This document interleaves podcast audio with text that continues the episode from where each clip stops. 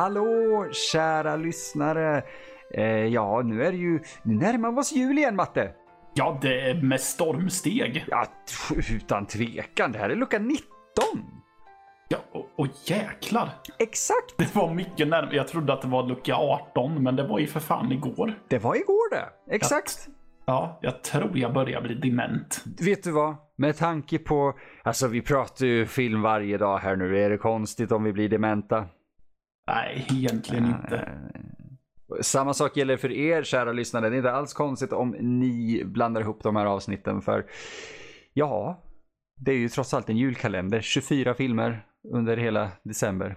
Det är lite galet av oss, men det, det är kul. Ja, Det men vi- det, ja, det, det känns kul än så länge tycker jag. Än så länge gör det det och vi börjar närma oss slutet på kalendern så det är ju bra. Vi kommer kanske sluta med flaggan i topp. Ja, det hoppas jag. Det hoppas jag verkligen. Men bakom dagens lucka då? Mattias, vad hittar vi där? Vi hittar en film som på svenska heter Mysteriet Dracula. Oh, jag älskar att du tog den svenska titeln där. ja. Så vad kan det betyda då? Är det den från 1991 man tror? Eh, du menar den med Gary Oldman? Ja, och... i regi av Francis Ford Coppola. Precis, ja, det är en mycket bra film. Är det. Oh ja, det är det Eh, verkligen. är det. Men nej, vi ska inte prata om den. Va? Nej. Och eh, vi ska inte prata om den från typ 60-talet med Christopher Lee heller. Eh, Men det är också en klassiker. det är en klassiker, nonetheless. Och inget fel på den heller. Eh, men vi tänker prata om den från 1931. Jag tror det var bra att vi faktiskt eh, tog de, de tre. Jag ska säga, alltså, vi började med 90-talet där och sen så tog du Hammer Dracula. För sen kom jag på att det finns typ 40 till. Ja, det gör ju det.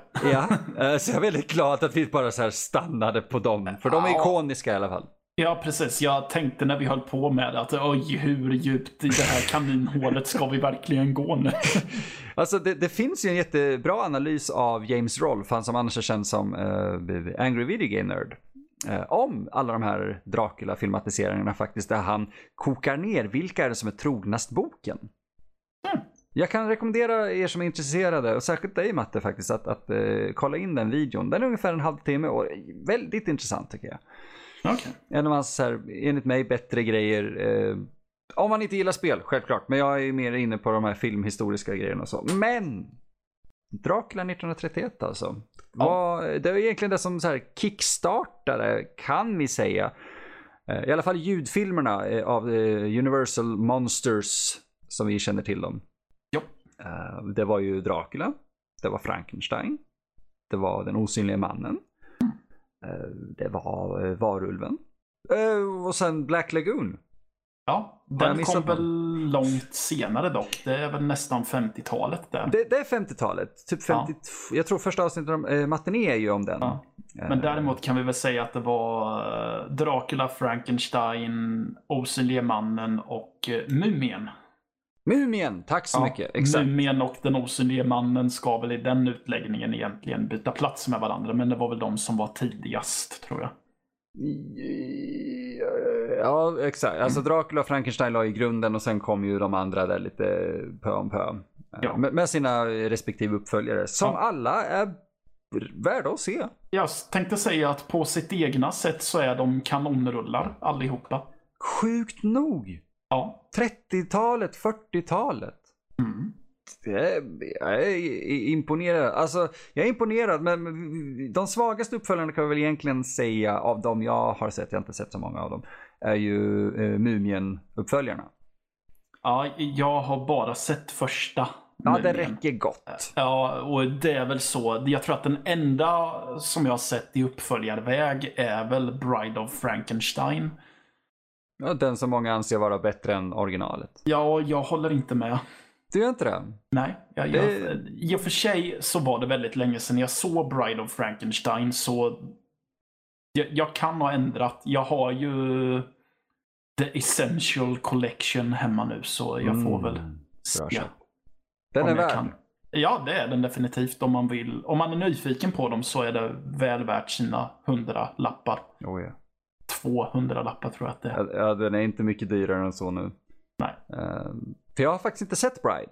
Nej, Har jag inte. och jag tycker att det är spännande för det, det är ju inte konstigt att den är så välrenommerad för det är ju den som sagt den enda uppföljaren i den boxen.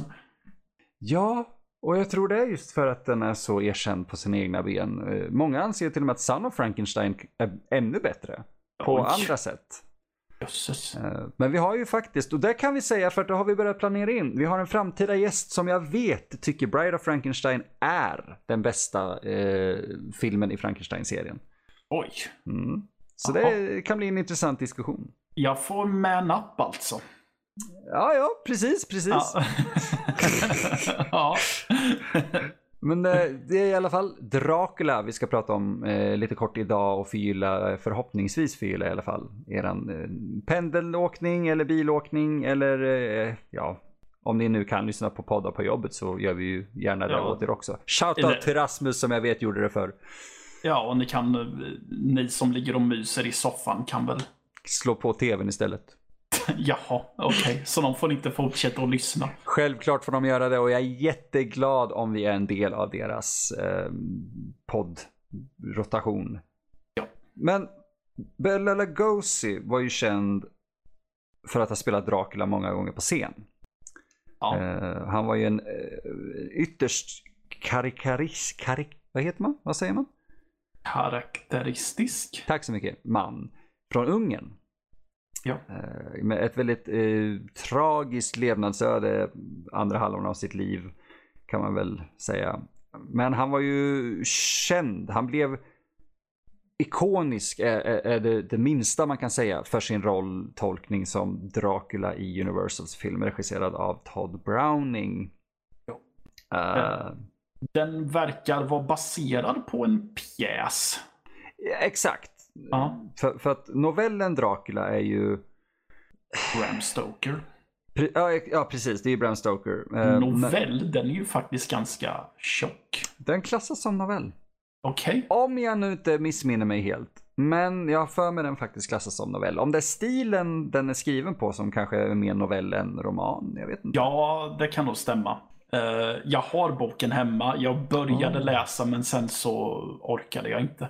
Oh, är den... Tycker du att den är så? Jag har inte läst den på många år nämligen. En, så. nej, nej, det, nej, alltså det var väl mer eh, så här ligger det till. Jag, jag lånade min brors exemplar när jag bodde hemma hos honom under sex veckor, eller sju Ja. veckor. För att jag hade praktik i Jönköping. Och då läste jag lite av den. Men jag hann inte läsa klart den och sen så lämnade jag kvar den hemma hos honom. Sen har jag köpt den själv och jag har bara inte börjat läsa Ah. den igen. Men så det, är det, mer det, det. det är väldigt vanligt faktiskt. Ja. Eh, det- det- ja, men jag tycker den är värd att läsa igenom faktiskt. För jag läste ju, jag läste de här gamla klassikerna eh, under gymnasiet. Eller på IV faktiskt. Det var då till och med. Vilket typ är gymnasiet då. Men eh, då läste jag Frankenstein, jag läste Dracula. Eh, flera andra också, men de två är de relevanta här nu. Eh, och Dracula fångade mig på ett sätt som jag kan tänka mig fångade många av, av de som ville adaptera den till scenen eller på, eh, till film på den tiden. För det var ju eh, eh, stora problem med det här med rättigheterna då. För att Nosferatu, Nosferatu var ju känd som en inofficiell filmatisering av Dracula som, eh, ja, det blev ju till och med så illa att de var tvungna att förstöra alla eh, versioner av Nosferatu och alla kopior som fanns av den. Så den betraktades ju som en förlorad film ett ganska bra tag tills man hittade den. Och jag är väldigt glad att man gjorde det, för den är fantastisk. Ja, det är den. Eh, Men den första då, eller ja, första och första. Det, finns, det sägs finnas en till filmatisering innan och det är så svårt att säga om det stämmer eller inte. Det här, det, vi snackar om en era då filmer det är så svårt att förklara. Men alltså filmer försvann, de gick sönder. Det var, det, man hanterade inte rätt. Man visste inte hur man skulle förvara dem riktigt. Nej, alltså de, de var väl också... Själva filmen var väl av ett material som var fruktansvärt lättantändligt. Ja, jag kommer inte ihåg vad det heter nu. Nej. Men, men det var ju brandfara och handskas med det. Liksom. Ja, för jag menar det finns en jättetidig Hitchcock-film som har det som en plot point för att det är... eh, För att det är en skurk som har tänkt att en filmrulle ska tända eld. Ja. Och de behöver då flytta på den här filmrullen. Och då är det en pojk som ska leverera filmrullen. Men han får inte åka spårvagn för att chauffören säger den där kan ju börja explodera vilken sekund som helst. Nitrat eller någonting säkert. Jag, vet. jag vill bara se hur den pojken säger bara ah och sen snubblar lite framför spårvagnen och så. Ja. Uh, hade varit kul. Men skulle du klassa den här filmatiseringen av Dracula som kanske den bästa? Um, eller rättare sagt, hur skulle du placera den här eller klassa den här? Jag håller den faktiskt ganska högt ändå. Mm. För att det, alltså, annars så är det ju så väldigt lätt att uh, välja uh, Francis Ford Coppolas oh, yeah. version. Uh, men de är två helt olika filmer. Totalt. Ja, men jag tycker att men jag tycker nog att den här Dracula vinner faktiskt på sin atmosfär. Utan tvekan. Ja, för att den på grund av att klimatet var som det var under 30-talet så kan de inte hålla på med en massa nakenhet och de, det kunde inte och, och sånt som Coppola har. Det, det var ju erotiskt på ett helt annat vis. Ja, precis. Och han har även en hel del blod och grejer med. Mm, mm, och det fick man ju inte riktigt pyssla med på 30-talet. Jag bara ser hur någon så går ja. fram till Browning och slår honom på fingrarna. Ja, ja, precis. Men så jag tycker att Dracula med Lugosi vinner på sin atmosfär just för att de lyckas bygga upp den med så enkla medel. Mm. I den här. Det är primärt skådespelarinsatser. Dels ifrån Bella Lugosi som som sagt är som klippt och skuren för eh, titelrollen. Men vi har ju också eh, Dwight Fry i rollen oh. som Renfield. Åh, oh, han är så jävla bra. Ja. Som oh. bara med sina får kåran, kalla kårar och krypa längs ryggraden. Rats. Rats. Rats. Precis. Oh. Ja. Det är svårt att inte citera honom när man pratar om honom faktiskt. Väldigt svårt. Ehm, men ja. alltså det, det, finns liksom inte en enda dålig rollinsats. Alltså det finns mer eller mindre bra eh, rollinsatser i, i Dracula självklart. Men jag tycker ja. alla main players, alla huvudkaraktärerna görs fantastiskt. Ja.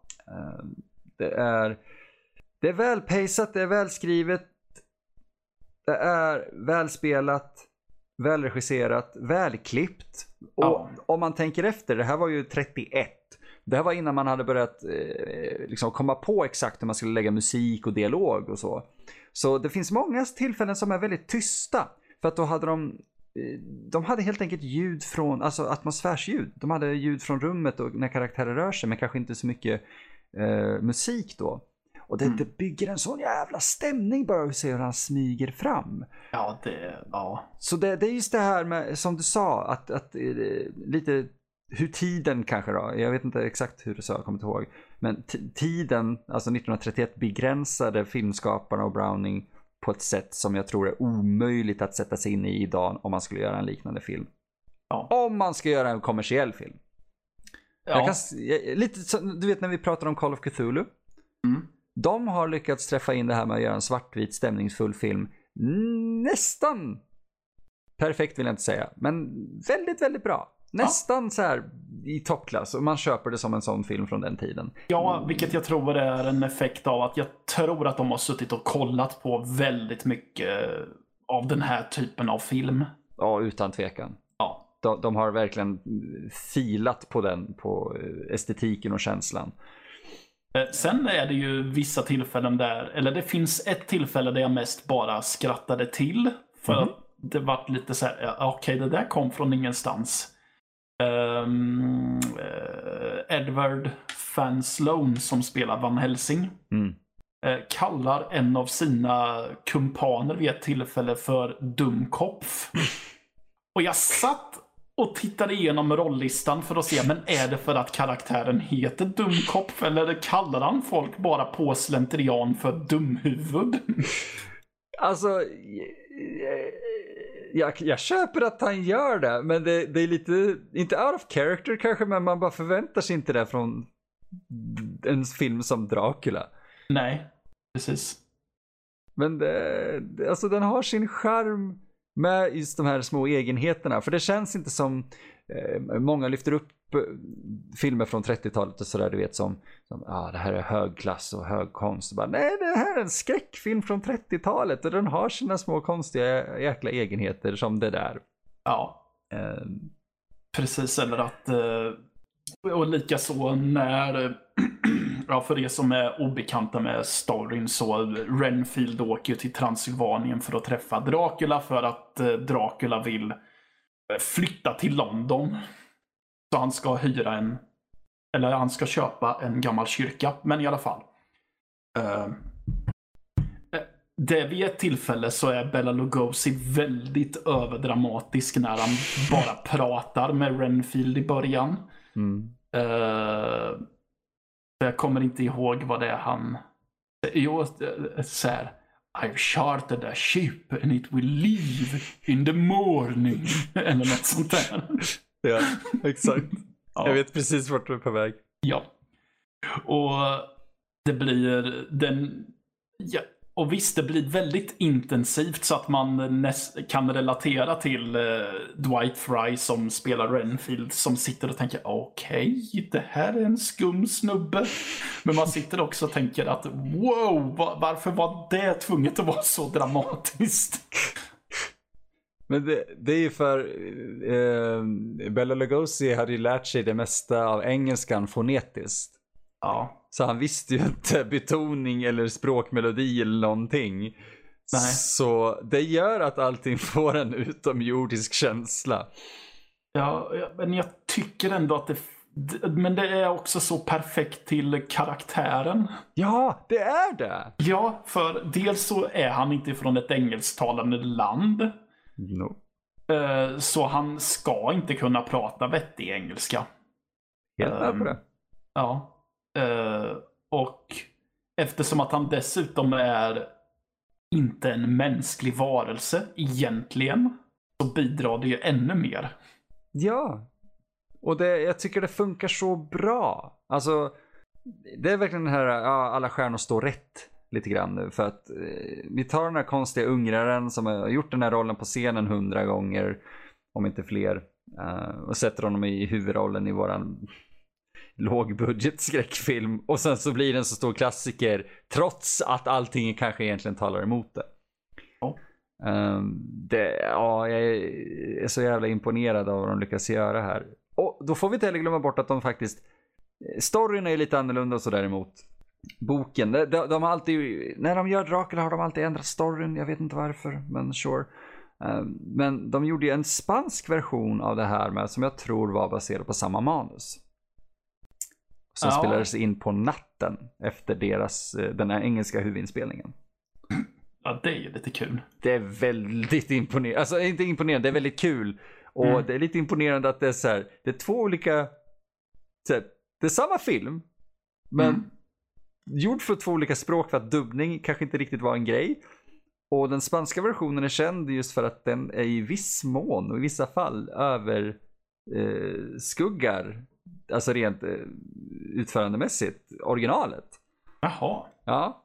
Men kan det vara för att skådespelarna varit så mycket mer varmare i kläderna när det var dags att börja prata spanska? Nej, nej, de var helt andra skådisar. Jaha, det, du menar det var så? Ja, ja jag... det, är det, är en hel, det är ett helt annat, jag vet inte om det är olika crews, men i alla fall det är en helt annan ensemble. Ja, nu, var, nu vart ju jag, nu vart det ju pinsamt för mig här. Nej, nej, nej, nej, det är inte pinsamt därför att det här är ingenting som är vedertaget att veta om liksom.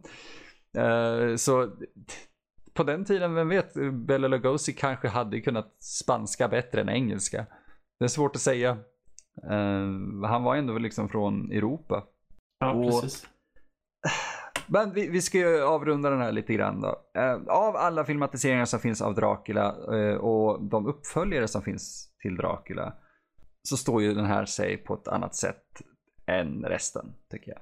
Ja, alltså den här har ju, och det säger vi inte bara för att det inom situationstecken är den eh, första. Nej, nej, nej, nej. Nej. Coppola gör saker bättre än den här. Eh, Ja, ja, det gör, det, det, det gör han. Men den har ett lite annat liv. Det är en helt annan atmosfär, ett helt Mm. annat liv.